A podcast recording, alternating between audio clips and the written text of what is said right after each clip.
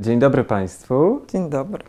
E, jesteśmy dzisiaj w gronie e, profesor e, Ewa Haman I, z Wydziału Psychologii UW i profesor Przemysław Tomalski z e, Polskiej Akademii Nauk, Instytutu Psychologii. E, e, profesor Ewa Haman jest psycholingwistką rozwojową, to znaczy, że zajmuje się badaniem rozwoju językowego u dzieci z perspektywy psychologicznej. E, kieruje zespołem badającym e, rozwój dzieci wielojęzycznych i dwujęzycznych Multilada na Wydziale Psychologii Uniwersytetu Warszawskiego. Kieruje wspaniałymi e, projektami, również międzynarodowymi, projektem Polka Norski, realizowanym dzięki funduszom norweskim i Narodowemu Centrum Nauki i projektem Star Wars również finansowanym przez Narodowe Centrum Nauki. Czy coś jeszcze chciałabyś dodać? Nie, chyba już nie. E, a e, profesor Przemysław Tomalski e, kieruje Baby Labem w Instytucie Psychologii PAN i tam realizuje projekt Moving, jest psychologiem rozwojowym i zajmuje się wczesnym rozwojem poznawczym i też wpływami środowiska w, y, na ten rozwój. I coś jeszcze? No jeszcze mogę dodać, że zajmuję się badaniami rozwoju mózgu i tego, e, jak różne funkcje mózgowe się rozwijają w pierwszych latach. Dostaliśmy pytanie, jak, kiedy, jak i po co uczą się małe dzieci? I ja myślę, że powinniśmy najpierw ustalić, kim dla nas są małe dzieci. Ja się specjalizuję w badaniu niemowląt, czyli osób, które są w wieku e, od e, pierwszego miesiąca życia do dwunastego miesiąca życia, czyli do ukończenia pierwszego roku życia. W polskiej terminologii najczęściej o małych dzieciach mówimy wtedy, kiedy są w wieku powyżej jednego roku, a poniżej trzech lat, e, czyli zanim pójdą do przedszkola. Tak, ja, ja co prawda zajmuję się na ogół trochę starszymi dziećmi, to znaczy powyżej trzech lat, chociaż nie do końca to jest y, prawda, bo teraz w projekcie polkanorskim badamy też y, niemowlęta i też y, rodziców, którzy dopiero spodziewają mhm. się dzieci.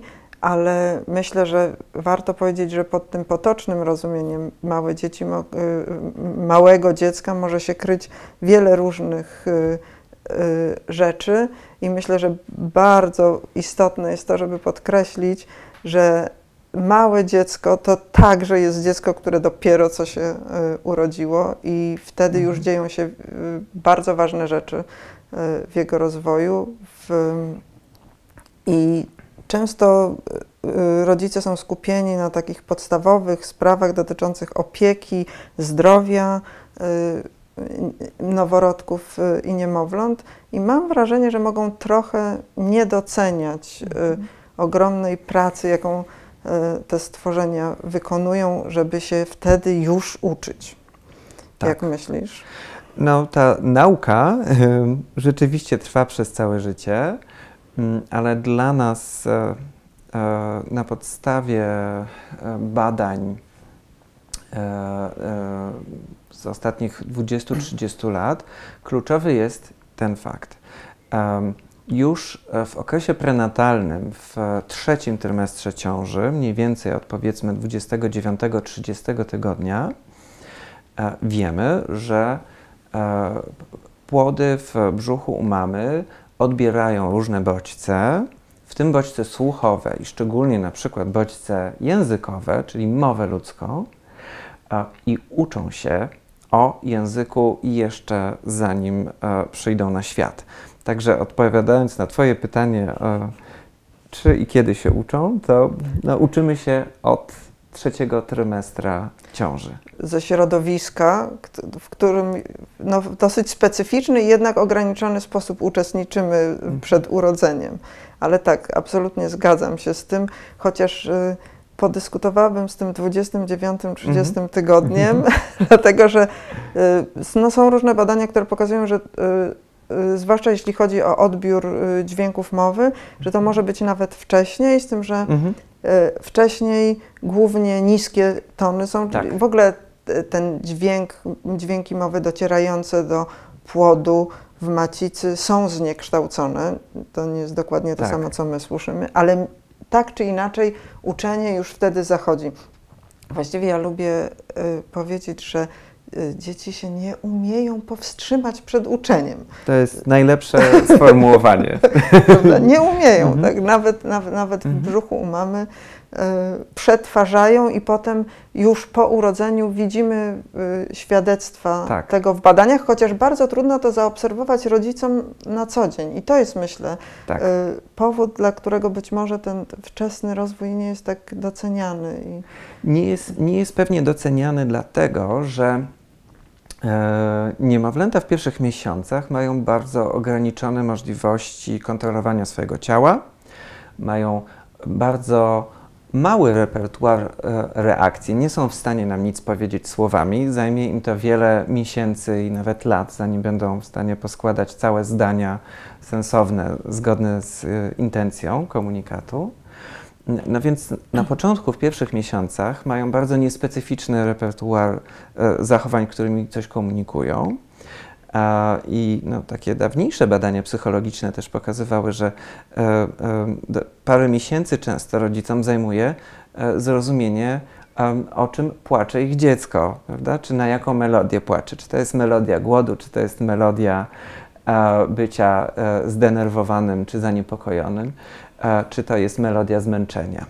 Natomiast e, jeśli weźmiemy pod uwagę badania, które są w stanie e, wykorzystać reakcje nawet noworodków w pierwszych godzinach po urodzeniu albo niemowląt e, w pierwszych miesiącach, ich na przykład prędkość ssania smoczka albo ruchy oczu i kierowanie uwagi wzrokowej na bodźce, to wykorzystując tego typu bardzo skomplikowane i wymyślne metody, psychologowie byli w stanie pokazać, jak wiele, jak szybko, jak fantastycznie niemowlęta się uczą w pierwszych miesiącach.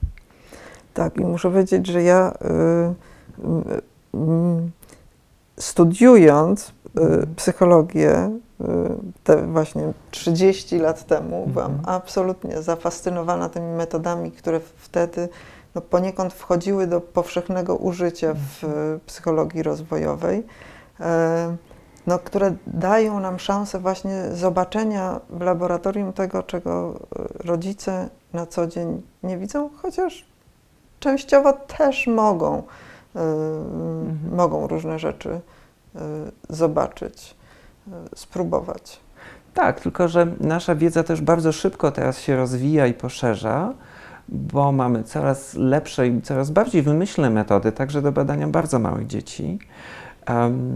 Y, możemy badać ich aktywność mózgu w czasie, kiedy oglądają różnego rodzaju zdarzenia czy bodźce, albo słuchają różnych dźwięków albo mowy. Możemy analizować bardzo precyzyjnie ruchy ich ciała, możemy mierzyć ich uwagę wzrokową, a możemy mierzyć ich e, pracę serca, która jest zależna od e, e, poziomu skupienia uwagi albo zależna od tego, czego się uczą w danym momencie.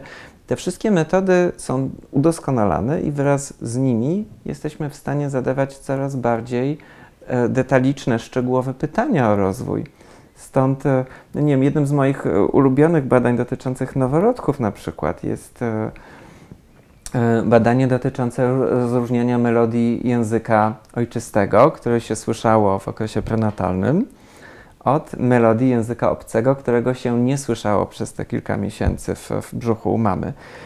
I, I wydaje mi się, że mm, tego typu badania jeszcze no, 40 lat nie były, temu nie Tak. byłyby możliwe, bo w ogóle nie zdawalibyśmy sobie sprawy, że jesteśmy w stanie zmierzyć e, to, jak noworodki rozróżniają melodie tych języków, a także nie przyszłoby nam do głowy zadać tak szczegółowego pytania o wiedzę, która została nabyta w okresie prenatalnym. Tak, to zresztą jest, rozumiem, że masz to na- myśli to klasyczne e, badanie Petera Juszczyka, e, Tak. Giuseka, które, które właściwie ma e, też fantastyczną historię z punktu widzenia rozwoju myślenia o Mhm. rozwoju językowym, dlatego że właściwie ono spowodowało serię kolejnych badań, które właściwie Tak. doprowadziły do y, nowych wniosków. To, to nie jest tak, że te prawie 40 już lat temu już ze współpracownikami pokazali, że dzieci różnicują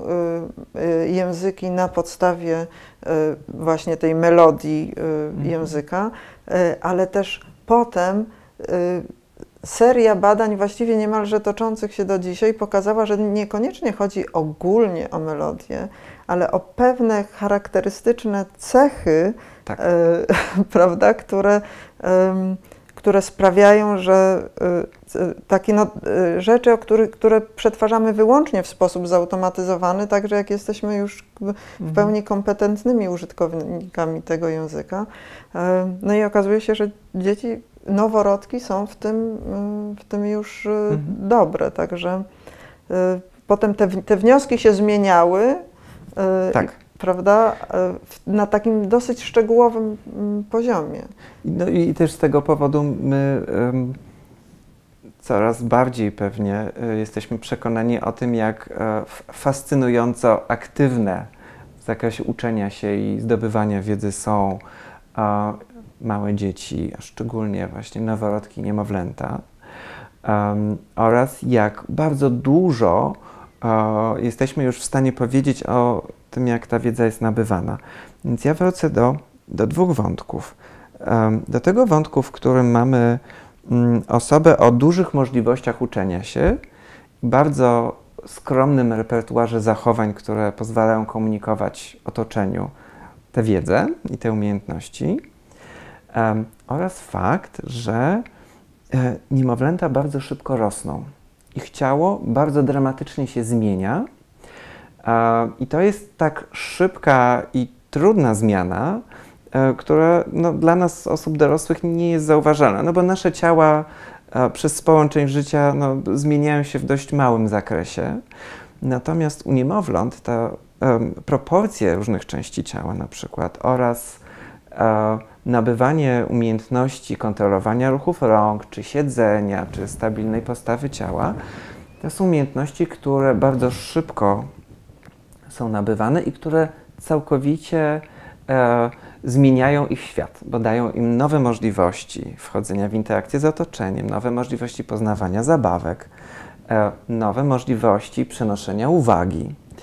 E, Stąd my często, patrząc na niemowlaki, nie zdajemy sobie sprawy, jak tam wiele się dzieje przez pierwszy rok życia, jak dramatyczne są te zmiany, na przykład e, w proporcjach ciała, kiedy w pierwszych miesiącach musimy utrzymać olbrzymią, ciężką głowę. E, I to gdybyśmy jako dorośli mieli tak duże głowy, to potrzebowalibyśmy o wiele mocniejszych mięśni grzbietu e, i karku, żeby tą głowę podtrzymywać i móc nią ruszać. E, to jest jeden z przykładów, natomiast ten proces obejmuje bardzo wiele różnych umiejętności przez cały pierwszy rok i kolejne. Także mamy osobę, która bardzo szybko się uczy, bardzo dużo się uczy, jest bardzo głodna nowych bodźców, a jednocześnie jest zamknięta w ciele, które bardzo powoli uczy się kontrolować i bardzo stopniowo jest w stanie wykorzystywać to ciało do sprawnego poznawania świata. Więc e, to jest mniej więcej taka osoba w mojej głowie, kiedy, kiedy mhm. mówimy o niemowlęciu w, w pierwszych miesiącach życia. Ja bym bardzo Cię chciała zapytać, e, e, a właściwie chciałabym Cię poprosić, żebyś powiedział o tym, co zmienia się w tym fragmencie ciała e, niemowlęcia, którego nie widać na zewnątrz, a który jest mózgiem i który mhm. steruje tym ciałem, ale chciałam jeszcze zwrócić uwagę, że to uczenie się, to jak mówisz o tym zmieniającym się ciele, mhm. to uczenie się, rzeczywiście dzieci bardzo chcą się uczyć, uczą się, ale po, też nieustannie y, mają mnóstwo, mnóstwo porażek. Tak. To znaczy wcale nie od razu wszystko umieją, tylko y, bardzo systematycznie tak. próbują, próbują, próbują i po pewnym czasie powoli zaczyna im coś wychodzić, mhm. tak? jeśli chodzi o kontrolę mhm. nad własnym ciałem.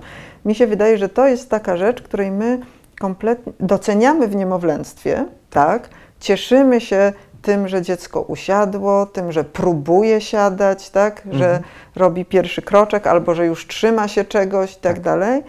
E, I w ogóle się nie przejmujemy w na tym etapie porażkami, w sensie takim, mhm. że wiemy, że dziecko potrzebuje wsparcia, więc będziemy je wspierać, cieszymy się z sukcesów, nie przejmujemy się za bardzo porażkami, no, pod warunkiem, że nie dzieje się coś mhm. bardzo strasznego, ale mm, wydaje mi się, że to jest takie podejście do uczenia się, które potem y, dosyć szybko zanika. W, y, w sensie stosunku rodziców mhm. do, do tego, jak dzieci się uczą. Te, te pierwsze, to pierwsze uczenie się właśnie ma taki fajny, spontaniczny charakter z, z wsparciem dorosłych, a potem zaczynamy od dzieci wymagać czegoś innego i na przykład, moim zdaniem, potem y, zaczynamy zupełnie inaczej porażki i błędy y, tak. traktować. Więc to może nie jest na dzisiaj mhm. rozmowa, ale chciałam powiedzieć, że to y, w tym swoim rozwoju i w tych gwałtownych zmianach dzieci mają fantastycznych pomocników tak. wspierających, którzy właśnie nie za bardzo przejmują się porażkami i pozwalają dzieciom na to, żeby powtarzały, powtarzały, powtarzały, nawet jak im nie wychodzi, mhm. prawda? Bo wszyscy wiedzą, że w końcu zacznie chodzić, prawda? Tak, Więc tak, nie tak, martwimy tak, się tym.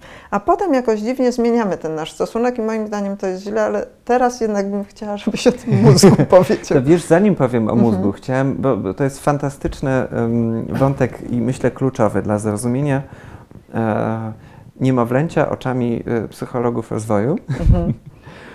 E, to znaczy zrozumienia, że większa część, czy no, większość uczenia się i nabywania wiedzy o świecie, e, nawet przez naj, najmniejsze dzieci w pierwszych tygodniach i miesiącach, mm, opiera się na ich własnej aktywności. To znaczy, i, i tak. myślę, że to jest, tak. to jest kluczowe, co chcielibyśmy Państwu przekazać też dzisiaj. To znaczy, że e, niemowlęta, nawet bardzo małe, są w dużej mierze samosterowne, jeśli chodzi o swoje uczenie i same organizują sobie poznawanie świata i nabywanie wiedzy. Oczywiście ważną rolą opiekunów, rodziców, e, innych osób jest tak wspierać i kształtować to środowisko, żeby one były w stanie e, różnych rzeczy się nauczyć czy nabyć nowe umiejętności.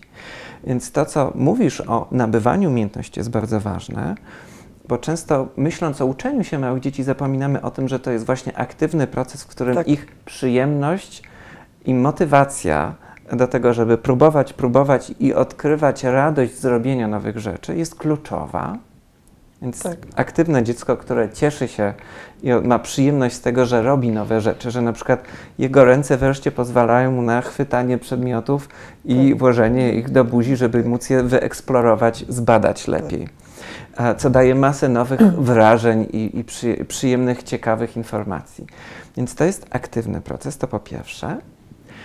A po drugie, że mm, to uczenie się w obrębie bardzo różnych obszarów umiejętności wiedzy ma w sumie z mojej perspektywy bardzo podobny charakter. Nie wiem, czy ty się z tym zgodzisz, Ewo, ale mnie się wydaje, że uczenie się nowych umiejętności, na przykład ruchowych, mhm. Jest pod wieloma względami bardzo podobne z uczeniem się um, o tym, jak zachowują się przedmioty. Tak? Wymaga bardzo wielu sytuacji e, obserwowania, wyciągania tak. wniosków i utrzymywania e, tych informacji. Tak samo jest z mówieniem i, i nauką produkowania dźwięków mowy, które są zrozumiałe, prawda? E, wymaga bardzo, bardzo wielu prób. Większość z tych prób w pierwszych miesiącach jest kompletnie niezrozumiała i jest absolutną porażką, ale dzięki temu, że e, niemowlęta mają dużo przyjemności, na przykład w, w czasie zabawy swobodnej z, z, z mamą czy, czy z rodzicem e, i dostają jeszcze odpowiedzi, to jest przyjemne i nagradzające, to mają motywację do tego, żeby próbować, próbować, próbować. I w końcu to słowo powiedzieć w brzmieniu zbliżonym do tak. tego, jak, jak je słyszą. To zresztą w ogóle, jeśli chodzi mhm. o, o, o, słowa i te dźwięki artykułowane, które dzieci wydają, to myślę, że to jest e, fantastyczne, że jak zaczynamy się przyglądać tym wokalizacjom, to dosyć trudno jest e, mhm. pokazać taką ścisłą granicę między tym, kiedy y, dany dźwięk jest słowem tak. W takim rozumieniu, że przypisane jest mu pewne znaczenie, a jest właśnie tylko wokalizacją. Y, I to oczywiście mamy różne sposoby na to, żeby po zachowaniu próbować dojść, jak dziecko w podobnym kontekście mhm. powtarza względnie podobny dźwięk, to możemy domniemywać, że pewne znaczenie przypisuje temu, mm, temu zestawowi dźwięków, mhm. które jest w stanie tak. z siebie w tym momencie wydobyć. No ale z drugiej strony mamy świadectwa znowu eksperymentalne, nie z codziennego y, życia, pokazujące, że pewne ślady y, przypisywania znaczeń, mhm. a w mhm. każdym razie łączenia sekwencji dźwięków z y, obiektami, y, głównie obiektami w, w, rzeczywistości, czyli właśnie takie łączenie w dźwięków z Y, z ich znaczeniem, no to w zasadzie już w trzecim miesiącu tak. życia y, z czymś takim mamy do czynienia. A jednak pierwsze słowa pojawiają się tak. Y, najwcześniej pół roku później, później prawda? Mhm. Więc to też myślę, że jest. I tutaj rzeczywiście mnóstwo czegoś, co można nazwać błędami, porażkami, a co tak. z po prostu kolejnymi próbami, przybliżeniami i też cieszymy się z tego, a nie mhm. martwimy, że dziecko popełniło y, błąd. Tak, także ja chciałem, e, żebyśmy mhm. o, tym, o tym trochę powiedzieli i zrozumieli, że niemowlaki czy małe dzieci nie są takimi pasywnymi odbiorcami informacji i wiedzy, prawda? To nie jest tak, że możemy e, posadzić e, malucha przed telewizorem na godzinkę dziennie, tam zadbać o jakąś taką bardzo wysokiej jakości polszczyznę i że one tak pasywnie poprzez e, odbiór tych e, dźwięków i obrazu nauczą się języka, bo jest to proces aktywny, który wymaga wielu prób, wielu porażek i ciągłej motywacji i interakcji z ludźmi. Z żywym człowiekiem. Z żywym tak, człowiekiem, żywym człowiekiem. W końcu są te badania tak, tak. z labu Patrycji Kul, które tak. pokazują, że telewizor przynajmniej do pewnego momentu no, nie jest nauczycielem języka, nie. Dokładnie tak. Także, A żywy człowiek, tak. Także dla nas e, ważne jest zrozumienie tego, jak wiele umiejętności jest nabywanych przez dzieci w pierwszych latach życia i szczególnie w pierwszym roku życia. Ta ilość umiejętności jest dramatyczna. E, I e, wracając do Twojego pytania o mózg. No właśnie, bo to jest myśląc, też bardzo tak, ważne. Myśląc o tym, co dzieje się w mózgu e, w pierwszym roku życia, e, to musimy wiedzieć, że to nabywanie nowych umiejętności, nabywanie wiedzy aktywne rzeźbi czy kształtuje też nasz mózg. To znaczy, w związku z doświadczeniem, które nabywamy, nasze sieci mózgowe, czyli różne obszary, E, mózgu zaczynają się ze sobą łączyć e, i współpracować po to, żeby być w stanie opanować jakąś umiejętność. Tak? Na przykład e, po to, żeby być w stanie odróżnić dźwięk ba od dźwięku ga w mowie, a potem, żeby być w stanie zaplanować i przygotować wypowiadanie dźwięku ba i umieć wypowiedzieć go tak, żeby się różnił od dźwięku ga. czasie e, pierwszych prób. Także rozwój mózgowy w pierwszym roku życia e, jest szczególny, ponieważ nasz mózg e, jest przygotowany na dopasowanie się do doświadczeń i wiedzy, która nas otacza w naszym środowisku rozwoju, w takim, w którym my jesteśmy jako indywidualna jednostka. Więc w dużej mierze to, jak zbudowany jest E, plan rozwojowy czy, czy, czy program rozwojowy mózgów e, w okresie prenatalnym i w pierwszych latach życia, to jest taki program, który bierze bardzo dużą poprawkę na to, jak to środowisko będzie wyglądać, tak żeby nasz mózg i nasz organizm mógł się jak najlepiej dostosować do warunków środowiskowych, które mamy dane. Zatem e, w takim żargonie psychologicznym my mówimy o uczeniu zależnym od doświadczenia, czy rozwoju funkcji mózgu zależnym od doświadczenia.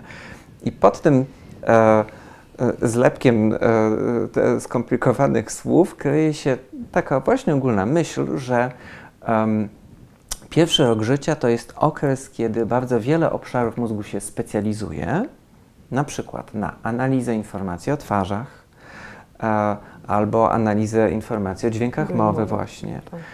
albo analizę informacji przestrzennych albo na to, jak kontrolować uwagę wzrokową tylko na te przedmioty, które są interesujące i nauczyć się ignorować te, które nas nie interesują, żeby nie odwracały naszej uwagi. E, I te obszary specjalizują się w dość szczególny sposób, ponieważ specjalizują się poprzez podłączanie się w większe sieci mózgowe, więc to nie są pojedyncze obszary mózgu odizolowane od siebie. One raczej uczą się rozmawiać i współpracować ze sobą w celu wykonywania konkretnych zadań, na przykład właśnie, nie wiem, nauki sięgania czy nauki mówienia.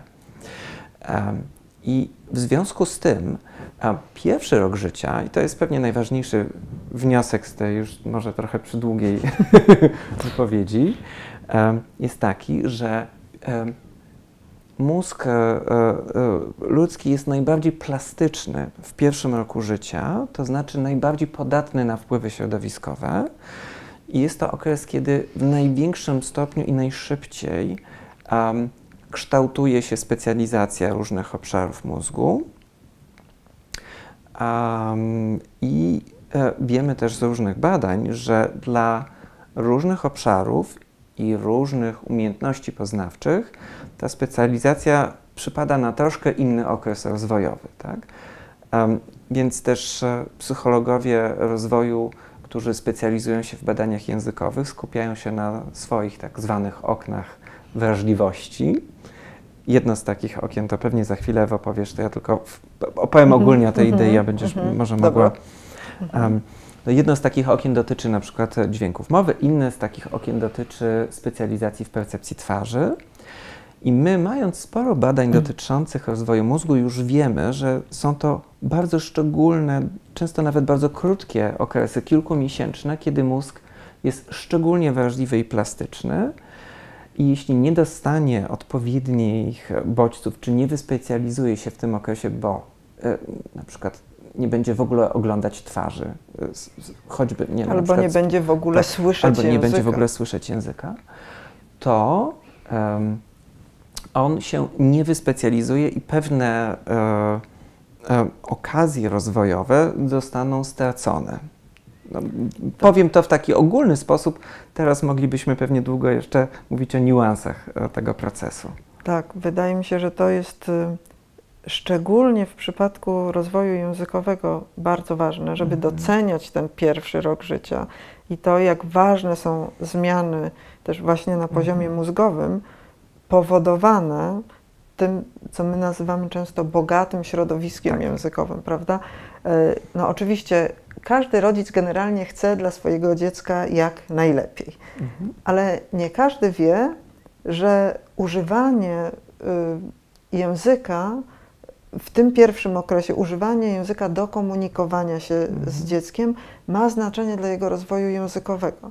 Y, może intuicyjnie, oczywiście rodzic mówi do niemowlaka, tak. mówi do noworodka, to tutaj nie trzeba żadnej specjalnej wiedzy, ale y, nie zdaje sobie często sprawy z tego, że to, co i jak mówi i o czym mówi, już wtedy ma duże znaczenie dla percepcji dźwięków mowy, ale także dla dalszego rozwoju słownikowego, gramatycznego mhm. i tak prawda?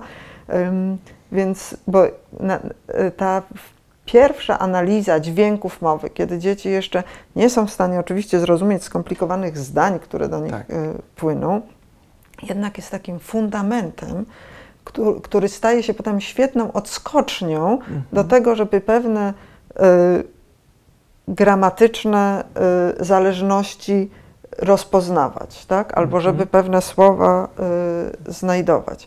Więc to, to wydaje mi się, że jest y, bardzo ważne. Na przykład skąd taki pomysł, żeby czytać niemowlętom książki. Tak. Kiedy, no, generalnie wydaje się, że to jest dla trochę starszego wieku, a mimo wszystko, może to jest trochę mylące, jak mówię i to celowo -hmm. powiedziałam, czytać niemowlętom książki. tak.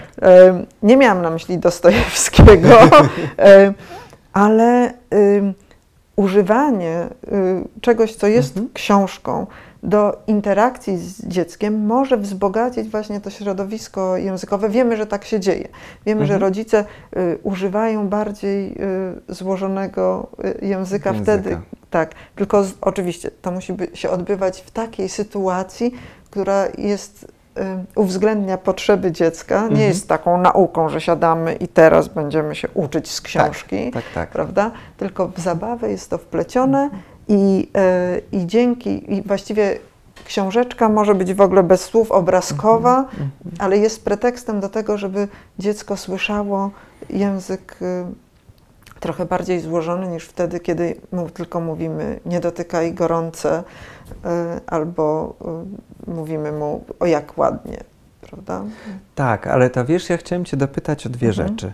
Em, chciałbym, żebyś e, może wyjaśniła e, jeszcze e, bardziej tą ideę kaskadowego rozwoju. My to Mhm. tak sobie fachowo nazywamy, prawda?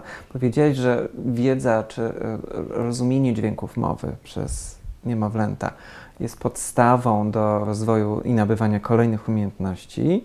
No, w mojej głowie pali się lampka pod tytułem kaskady rozwojowe, które są teraz bardzo Mhm. e, ważnym terminem, to znaczy właśnie co to są te kaskady? Możesz powiedzieć w odniesieniu do rozwoju językowego o tym więcej? Y, Mogę, ale jeszcze powiem Dobrze. jedną rzecz najpierw, bo z kolei inna lampka mi się w głowie zapaliła, bo mówimy dużo o dźwiękach mowy, ale tak naprawdę nie chodzi nam wyłącznie o język mówiony. Tak. To równie dobrze może być język migowy. Mhm. Y, oczywiście, y, jak już wspominałam o tym, że może być tak, że dziecko nie słyszy języka, to jest problem wtedy, kiedy przebywa w środowisku posługującym się językiem mówionym. I Tak. y, stąd ta y, y, ogromna waga wczesnych badań przesiewowych słuchu, żebyśmy Mhm. wiedzieli, że dziecko może korzystać ze środowiska Mhm. językowego, w którym przebywa. No ale jeżeli dziecko przebywa w środowisku posługującym się językiem migowym, no to jakby absolutnie wszystko jest tak samo dobrze, Tak. tylko y, język, komunikacja odbywa się w innej Mhm. modalności, więc chciałabym, żebyśmy o tym nie zapominali, chociaż Mhm. większość z nas posługuje się y, językami y, mówionymi i w związku z tym będziemy o tych dźwiękach mowy dużo Ale dalej to mówić. zatrzymajmy się Mhm. jeszcze przy tym na moment, dobrze? Dobrze. Bo ja, ja myślę, że to jest bardzo ważne, że, Mhm. że, żebyśmy, e, żebyśmy też uświadomili, że w języku, przynajmniej z mojej perspektywy, Mhm. chodzi o to, żeby się móc komunikować, Mhm. a nie o to, żeby się nauczyć e, tylko produkować dźwięki, albo żeby e, potem e, na tej bazie nauczyć się odcyfrowywać te znaczki, które nazywamy literkami i Mhm. umieć z nich składać słowa. Mm, To czy możesz trochę więcej powiedzieć o tym e, właśnie, e, jakie są różnice i podobieństwa, jeśli idzie o języki e, migowe e, versus mówione? E, Mhm. Czy to, czy to jest mniej więcej niezależne od modalności i e, ten rozwój przebiega podobnie? Jak Jest, to jest? jest? Jest, bardzo dużo podobieństw i Mhm. to, to, co nazywamy artykulacją w, y, w językach y, mówionych, czyli takie charakterystyka dźwięków Mhm. mowy, to w gruncie rzeczy też jest obecne w językach migowych i też dzieci początkowo ucząc się języków migowych, no, percypują pewne, są w stanie wy, wyekstrahować pewne cechy, Tak. y, cechy znaków y, y, języka migowego, Mhm. więc y, tutaj y, jest bardzo dużo analogii. Mhm. Ym, Specyfiką języka migowego jest to, że nie muszą dzieci czekać na dojrzewanie Aparatu, aparatu głosowego. głosowego. Tak, Mhm. tak. I to jest, y, y, to jest coś, co na przykład niektórych rodziców y, posługujących się językiem mówionym Tak. skłaniało do tego, żeby specjalnie uczyć się języka migowego, żeby z dzieckiem się porozumiewać językiem migowym, bo będzie szybciej, bo będzie wcześniej. Tak. No więc tutaj bym była taka dosyć ostrożna, w sensie takim, że Mhm. jeżeli uczymy się na szybko tylko po to, żeby dziecku dostarczyć języka migowego oprócz języka mówionego, to najprawdopodobniej nie nauczymy się tego języka tak dobrze, tak. żeby on autentycznie służył tej komunikacji, Mhm. to bogatej komunikacji, prawda? Mhm. Więc mm, używanie pojedynczych gestów, y, które no, jakby są tylko namiastką Mhm. języka migowego, no to nie jest to, o co nam chodzi. To jest trochę tak, jakbyśmy się monosylabami y, Tak, tak, tak. Bo, porozumiewali. bo, bo ty nawiązujesz do takiej, może, może Tak. to warto wyjaśnić, Mhm. do takiej mo- mody w niektórych krajach, e, e, gdzie mm, to się chyba nazywało bobomigi, tak? Gdzie rodzice, zanim dziecko było w stanie e, komunikować się za pomocą mowy, e, próbowali ze, ze swoimi maluchami tak na przełomie pierwszego i drugiego roku życia komunikować się za pomocą tych Tak. bobomigów, czyli jakiegoś takiego bardzo uproszczonego zestawu ge- gestów migowych e, e, celem por- porozumienia się, na przykład, żeby dziecko było w stanie e, Tak. przekazać, nie wiem, co chciałoby zjeść, tak? Tak, ale Nie. dziecko jest w stanie przekazać, Nawet bez jeść. bobomigów. Bez, tak. bez bogów, bez bogów. Mówimy, migów. mówimy tylko o sytuacji, gdzie mamy do czynienia z e, em, dzieckiem słyszącym i rodzicem Tak. słyszącym, posługującym się mówionym językiem, Tak. którzy z jakiegoś powodu chcieli sobie przyspieszyć Właśnie, komunikację za pomocą No to- bobomigów. Tak? I tak. to jest, to jest pewnie w Polsce rzadka sytuacja. nie? Chyba był taki moment Tak. kiedyś, że też, też Mhm. była taka moda na bobomigi, ale no, wydaje mi się, że w ogóle po prostu rodzice czasem, Mhm. rodzice wiedzą, że powinni się starać aż za bardzo. Tak. To znaczy, aż za bardzo wiedzą i aż za bardzo się czasem próbują starać. Mhm. Tak? Tymczasem taki uważny, elastyczny rodzic, który jest wrażliwy na potrzeby dziecka, to on będzie potrafił się z tym dzieckiem komunikować, Mhm. jakby nie będzie potrzebował tych dodatkowych narzędzi, Tak. prawda? Jeżeli używa na co dzień języka migowego i jest y, Mhm. y, jego rodzimym użytkownikiem no, albo bliskim y, y, tej, tego typu kompetencji, to z powodzeniem może używać tego języka. Jeżeli używa języka y, mówionego, no to ważne jest, żeby rodzic tak naprawdę używał języka, który zna najlepiej y, w kontaktach z dzieckiem, Mhm. w komunikacji z dzieckiem, bo wtedy daje dziecku możliwie najbogatsze środowisko Tak, językowe. chociaż jeśli mówimy o, o dzieciach, e, e, czy no, no, niemowlętach, czyli małych dzieciach głuchych, które mają nawet wcześnie mm, wszczepiane implanty ślimakowe, to jest to dużo trudniejsza sytuacja, Tak, prawda? tak, Ponieważ tak. one, no, znaczy często jeśli rodzice, e, jeśli rodzice e, są e, słyszący, no to w takiej sytuacji liczą na to, że ten Tak, ale to- implant pozwoli dziecku funkcjonować w świecie języka mówionego, co często no, się nie sprawdza. Takim stopniu, w którym Tak. albo, i, albo dzieje się to za późno, y, Tak. właśnie w kontekście tych okien wrażliwości, tak. o, o których zaczęliśmy mówić. Mówić, tak. I o, już zaczęliśmy Mhm. i o oknach wrażliwości, i o kaskadach. O wszystkim I zaczęliśmy, tak, tak. Zastanawiam się, kiedy skończymy. Y, tak, ale to, to ja myślę, że y, skupmy się może przynajmniej dzisiaj na Mhm. typowym rozwoju. Dobrze. Bo, bo jednak, y, jeżeli, mm, jeżeli już mm, jako zaczynamy rozważać takie przykłady Mhm. jak dzieci Mhm. niesłyszące, y, to mm, wydaje mi się, że tutaj y, no, rodzi się wiele różnych problemów, tak? Mhm. Mhm. Na razie w to nie wchodźmy, Dobrze. może, na, może następnym razem. To, to y, te okna wrażliwości. Okna wrażliwości to- i potem te kaskady, wiesz? Tak. Jak, jak one się nabudowują na siebie, czy one się nie nabudowują na siebie? No właśnie, jak bo jest? problem polega na tym, że wiele Mhm. rzeczy dzieje się równolegle. Tak. W tym pierwszym roku życia, z jednej strony my tego nie widzimy gołym okiem, ale dzieci już pewne znaczenia Mhm. konkretnych dźw- sekwencji dźwięków, które dla nas są słowami, są w stanie przypisywać do pewnych obiektów, sytuacji, czyli przy, niejako przypisywać im znaczenie. Mhm. Y, Z drugiej strony, no nie ma co ukrywać, że przede wszystkim y, to, to, te kluczowe umiejętności językowe to jest właśnie percepcja dźwięków mowy, fonotaktyka, czyli uczenie się, uwielbiam to słowo, uwielbiam po prostu. Mm, y, w, u, uczenie się, jakie są typowe sekwencje dźwięków w, w danym języku. Niektóre sekwencje w, w jakimś jednym konkretnym języku mogą być bardzo typowe i częste, Tak. w innym rzadkie, a w innym w ogóle Mhm. niedozwolone i dzieci te różnice bardzo szybko zaczynają y, wyłapywać. To jest coś, nad czym my się w ogóle y, nie zastanawiamy, prawda? Tak. Właśnie nawet jako kompetentni użytkownicy języka, to mamy wszystko od początku zautomatyzowane. Ale na, też jeśli jeszcze, jeśli, więc to jest jedna rzecz. Y, te sekwencje dźwięków, częstość współwystępowania, mhm. prawdopodobieństwo, że po jakiejś sekwencji pojawi się tak. jakiś kolejny dźwięk. A z drugiej strony jeszcze ten, y, ta melodia z trzeciej już strony, tak, bo to już to były trzecia. znaczenia. Czyli, czyli prozodia. Prozodia, tak, melodia języka. Okazuje się, że te sekwencje, jak mówimy zdanie, to te mhm. y, y, charakterystyka dźwięków mowy jest e, taka, czy te, tych sekwencji jest taka, że na przykład minimalne pauzy następują mhm. w bardzo określonych miejscach zdania i po nich możemy rozpoznać um, to, co potem językoznawcy nazywają frazą nominalną, frazą werbalną, tak?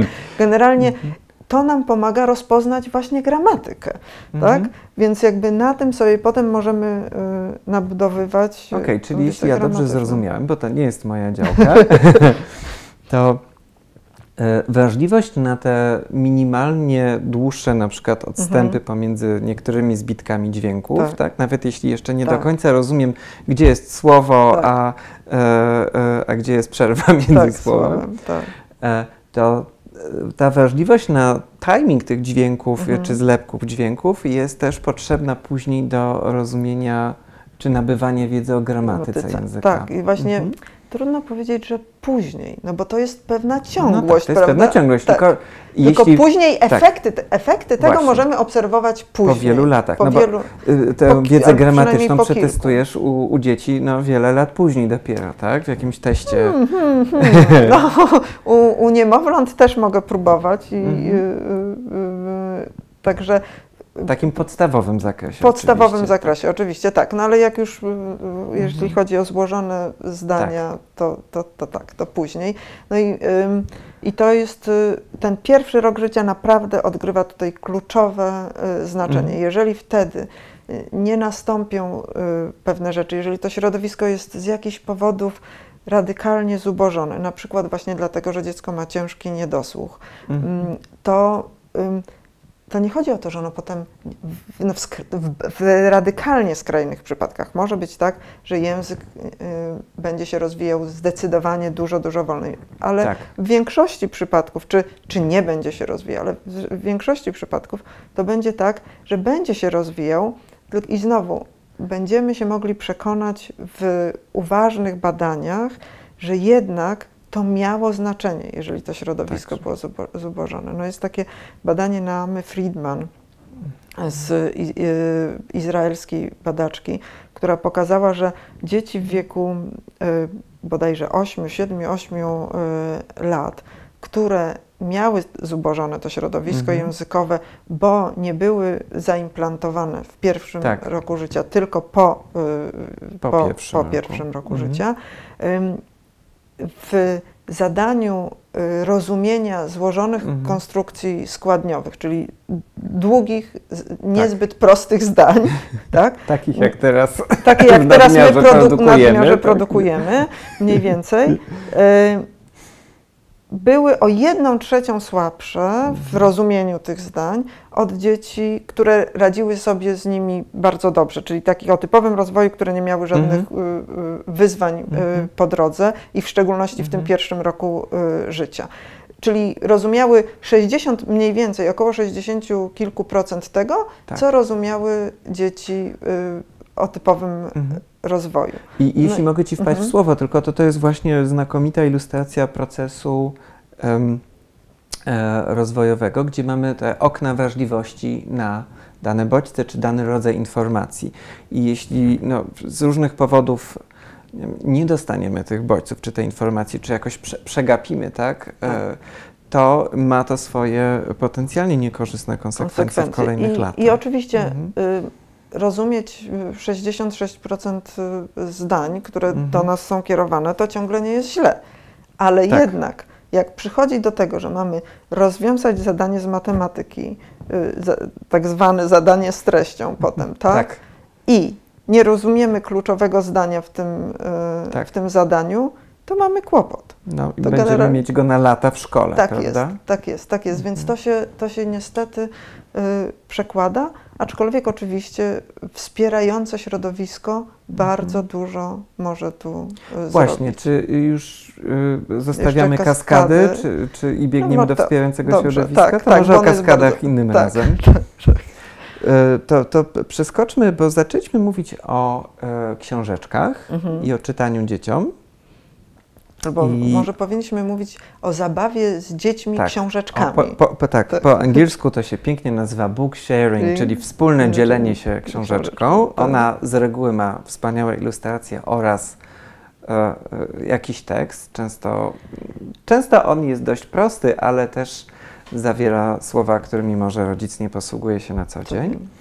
E, I tak jak e, zastanawialiśmy się nad tym, o czym e, dzisiaj powiedzieć w, w ostatniej części naszej rozmowy, to właśnie chcieliśmy się nie skupiać na tym, jak niekorzystne środowisko może nam e, utrudnić, czy nawet wręcz zaburzyć rozwój, tylko chcieliśmy się skupić na tym, jak możemy sami w domu, w odniesieniu do mm, bardzo małych dzieci, to środowisko wzbogacać.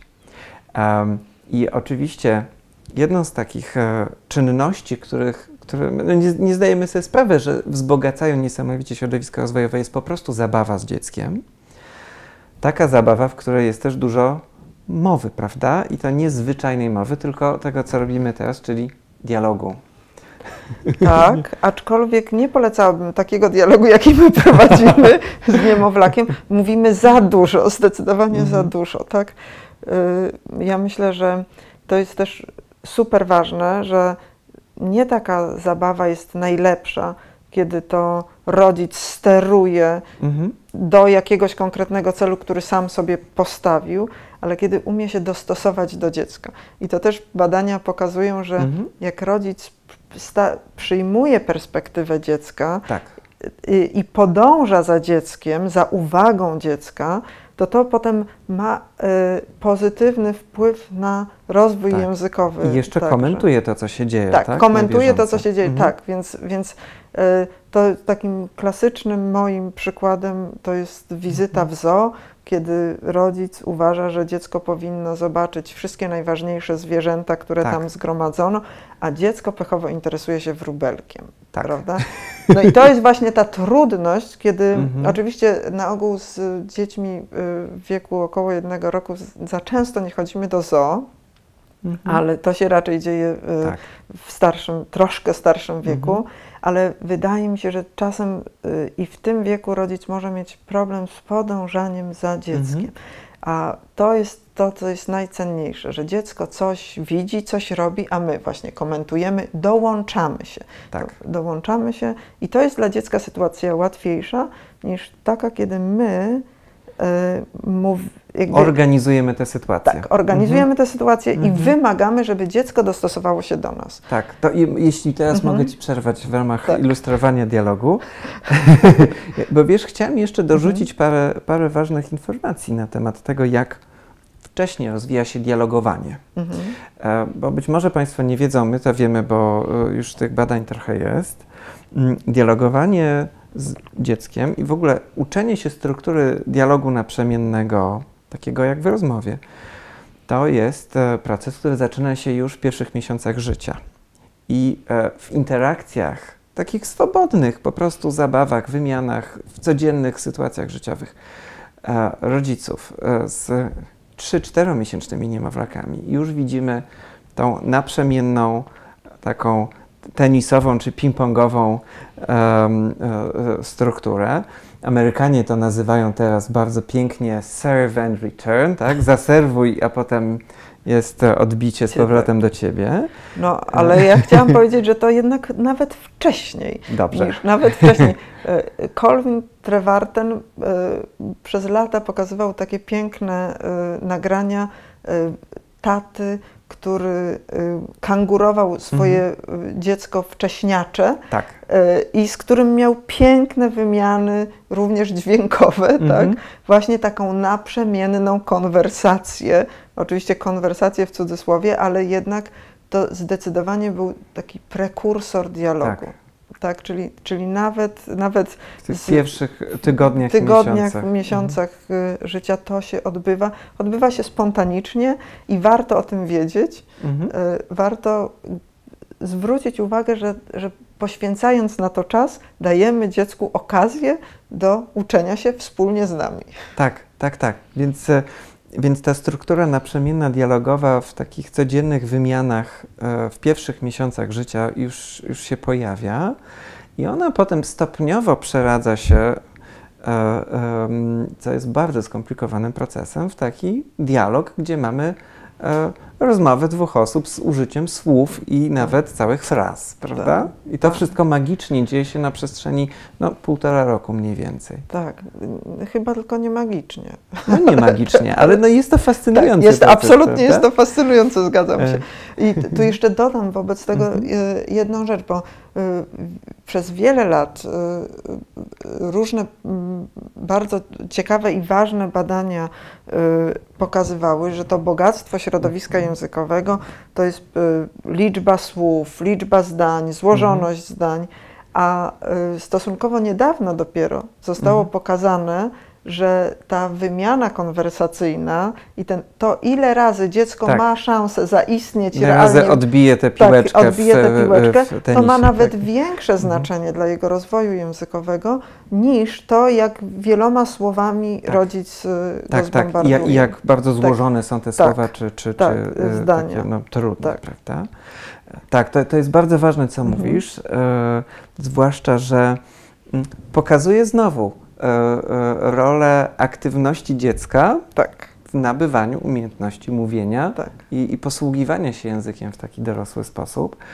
Więc jak w, w, mówimy i e, na koniec chcemy pewnie skupić się na, na tym korzystnym środowisku, tak. to pewnie możemy powiedzieć właśnie o tym, żeby przyjrzeć się swoim zabawom z dzieckiem pod kątem tego, czy jest tam odpowiednio dużo miejsca na to dialogowanie, na odczytywanie sygnałów dziecka, na zwracanie uwagi na to, co jest przedmiotem zainteresowania dziecka w zabawie, czy nawet w codziennych sytuacjach, podążanie za tym, komentowanie, prawda, ale też zadbanie o dialogowanie. Tak. A y, z drugiej strony książeczki są fantastyczną metodą już nawet w, w, w pierwszym roku życia, w tak. pierwszych miesiącach tak. nawet, czy w połowie pierwszego roku, są fantastyczną metodą, żebyśmy mogli to środowisko językowe uzupełnić. Więc może tak. jeszcze powiedzmy trochę o tym, na czym polega to podzielanie książeczek w pierwszym roku życia i jak ono może wzbogacać to środowisko językowe. Dobrze, ja do tego pięknego mhm. podsumowania tylko bym dodała jeszcze jedną tak. rzecz, że jak rodzic się skupia na tym, żeby to środowisko było korzystne, bogate, mm -hmm. takie, siakie, owakie, to ja bym jeszcze koniecznie dodała, że to mu powinno sprawiać przyjemność. Przyjemność i być na luzie. Tak, mhm. żeby on się nie martwił tym, tak. czy już na pewno spełnił wszystkie warunki, czy już może odliczyć na palcach, tak. że już na, na, pewno było i dialogowanie, tak. i to, i siamto, i owamto. Po prostu przyjemność w tym wszystkim jest naprawdę super ważna. Nie wiem, czy najważniejsza, ale jest szalenie ważna, mhm. bo ten kontakt emocjonalny, zapewnia dziecku różne takie rzeczy, dzięki którym, no tak. no właśnie, to poczucie bezpieczeństwa, które sprawia, że ono się lepiej uczy po prostu. Oczywiście, tak? a poza tym sprawia, że niemowlę e, też e, odczuwa przyjemność z tej wymiany tak. i z tej zabawy, tak. no bo jeśli tak. ma obok siebie bardzo zestresowaną i przejętą osobą, która usiłuje podążać za jakąś instrukcją, jak tak. tutaj najlepiej tak. wychować dziecko, to będzie to pewnie osoba bardzo spięta, która nie jest w stanie swobodnie uczestniczyć i reagować na to, co się dzieje w zabawie.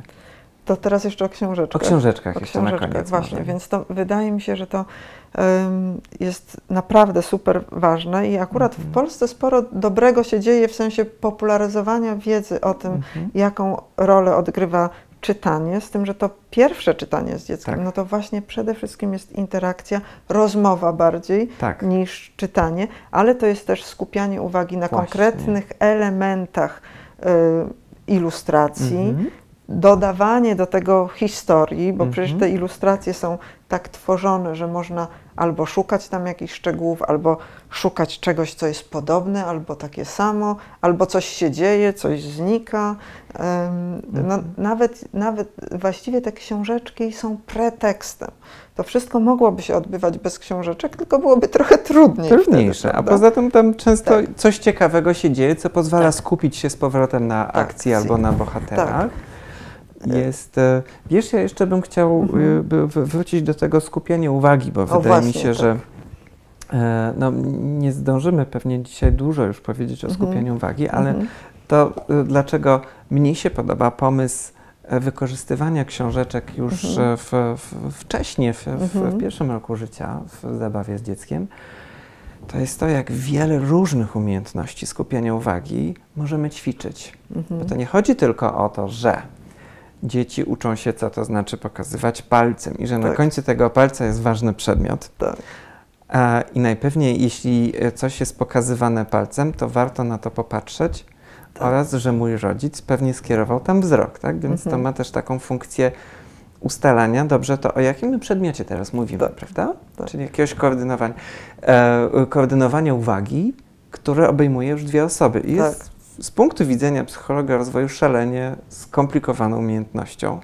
I szalenie przydatną, a wręcz tak. konieczną do Tak. tego, żeby się nauczyć języka. Właśnie, prawda? Bo już sama to Tak. nauka wskazywania palcem Tak. przez dzieci jest jednym Tak. z ważnych prekursorów e, Tak. uczenia się A słów. potem podążanie za wzrokiem, Właśnie. prawda, czyimś, tak. Właśnie. I y, książeczki dostosowane oczywiście wiekowo na przestrzeni tych pierwszych dwóch, trzech lat życia. Ym, e, To może jeszcze za chwilę powiemy, jak, jak, jak może Mhm. te, te książeczki w różnym e, wieku mogłyby Mhm. wyglądać. To są książeczki, które zawierają wiele ciekawych elementów graficznych, prawda? Mogą zawierać trochę tekstu, który rodzic przeczyta. Często Albo się nim tak, zainspiruje. a, Właśnie, zawierają Mhm. jakiś kawałeczek akcji albo jakiegoś działania, więc też potrafią często uruchomić wyobraźnię Mhm. w którymś Mhm. momencie.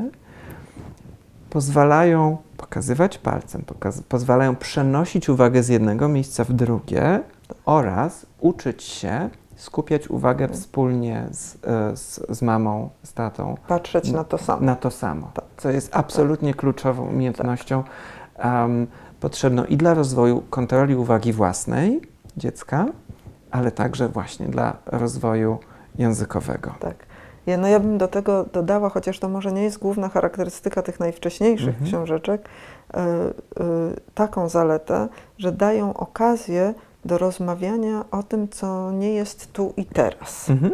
I to jest też y, fantastyczne, prawda, że Tak. póki jesteśmy tu i teraz, rozmawiamy o tym, co się Mhm. dzieje wokół nas, a książka jest, czy książeczka Mhm. jest pretekstem do tego, żeby porozmawiać o tym, że inni ludzie w innym miejscu, w innym czasie też coś czuli, Tak. coś robili, Mhm. gdzieś znikali.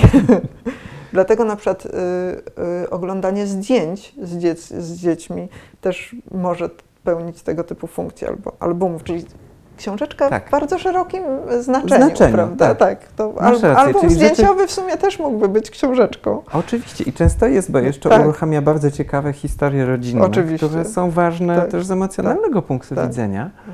Em, to może jeszcze dodajmy jedno słowo, po, Mhm. podzielanie, prawda? Tak. Że em, te wszystkie zabawy, czy w, em, m- proponowane sposoby na wzbogacanie środowiska Mhm. rozwojowego mają w dużej mierze na celu podzielanie czegoś z dzieckiem, prawda? To mogą być emocje, to mogą być wrażenia, a to może być fascynacja, nie wiem, muzyką jakąś albo Tak. dźwiękami, mm, bo sporo rozwoju językowego rodzi się w tym, że chcemy się czymś podzielić, Podzielić. prawda? Tak, tak, tak, tak. To y, i rzeczywiście używanie do tego języka, nawet wtedy, kiedy wiemy, Mhm. że nasze dziecko nie ma prawa zrozumieć wszystkiego, co Mhm. do niego y, mówimy, no właśnie daje tą, tak, tak, takie zanurzenie w języku, Mhm. które y, sprawia, że nie tylko jest nam przyjemnie, bo się komunikujemy, bo jesteśmy Mhm. razem, ale przy okazji te dźwięki mowy automatycznie przetwarzane, wszystko w tle się Tak. odbywa. Ciężka praca, uczenie się. Prawda? To prawda. To Tak. na tym chyba zamkniemy. To na dzisiaj tyle. tak. Dziękujemy bardzo. Dziękujemy.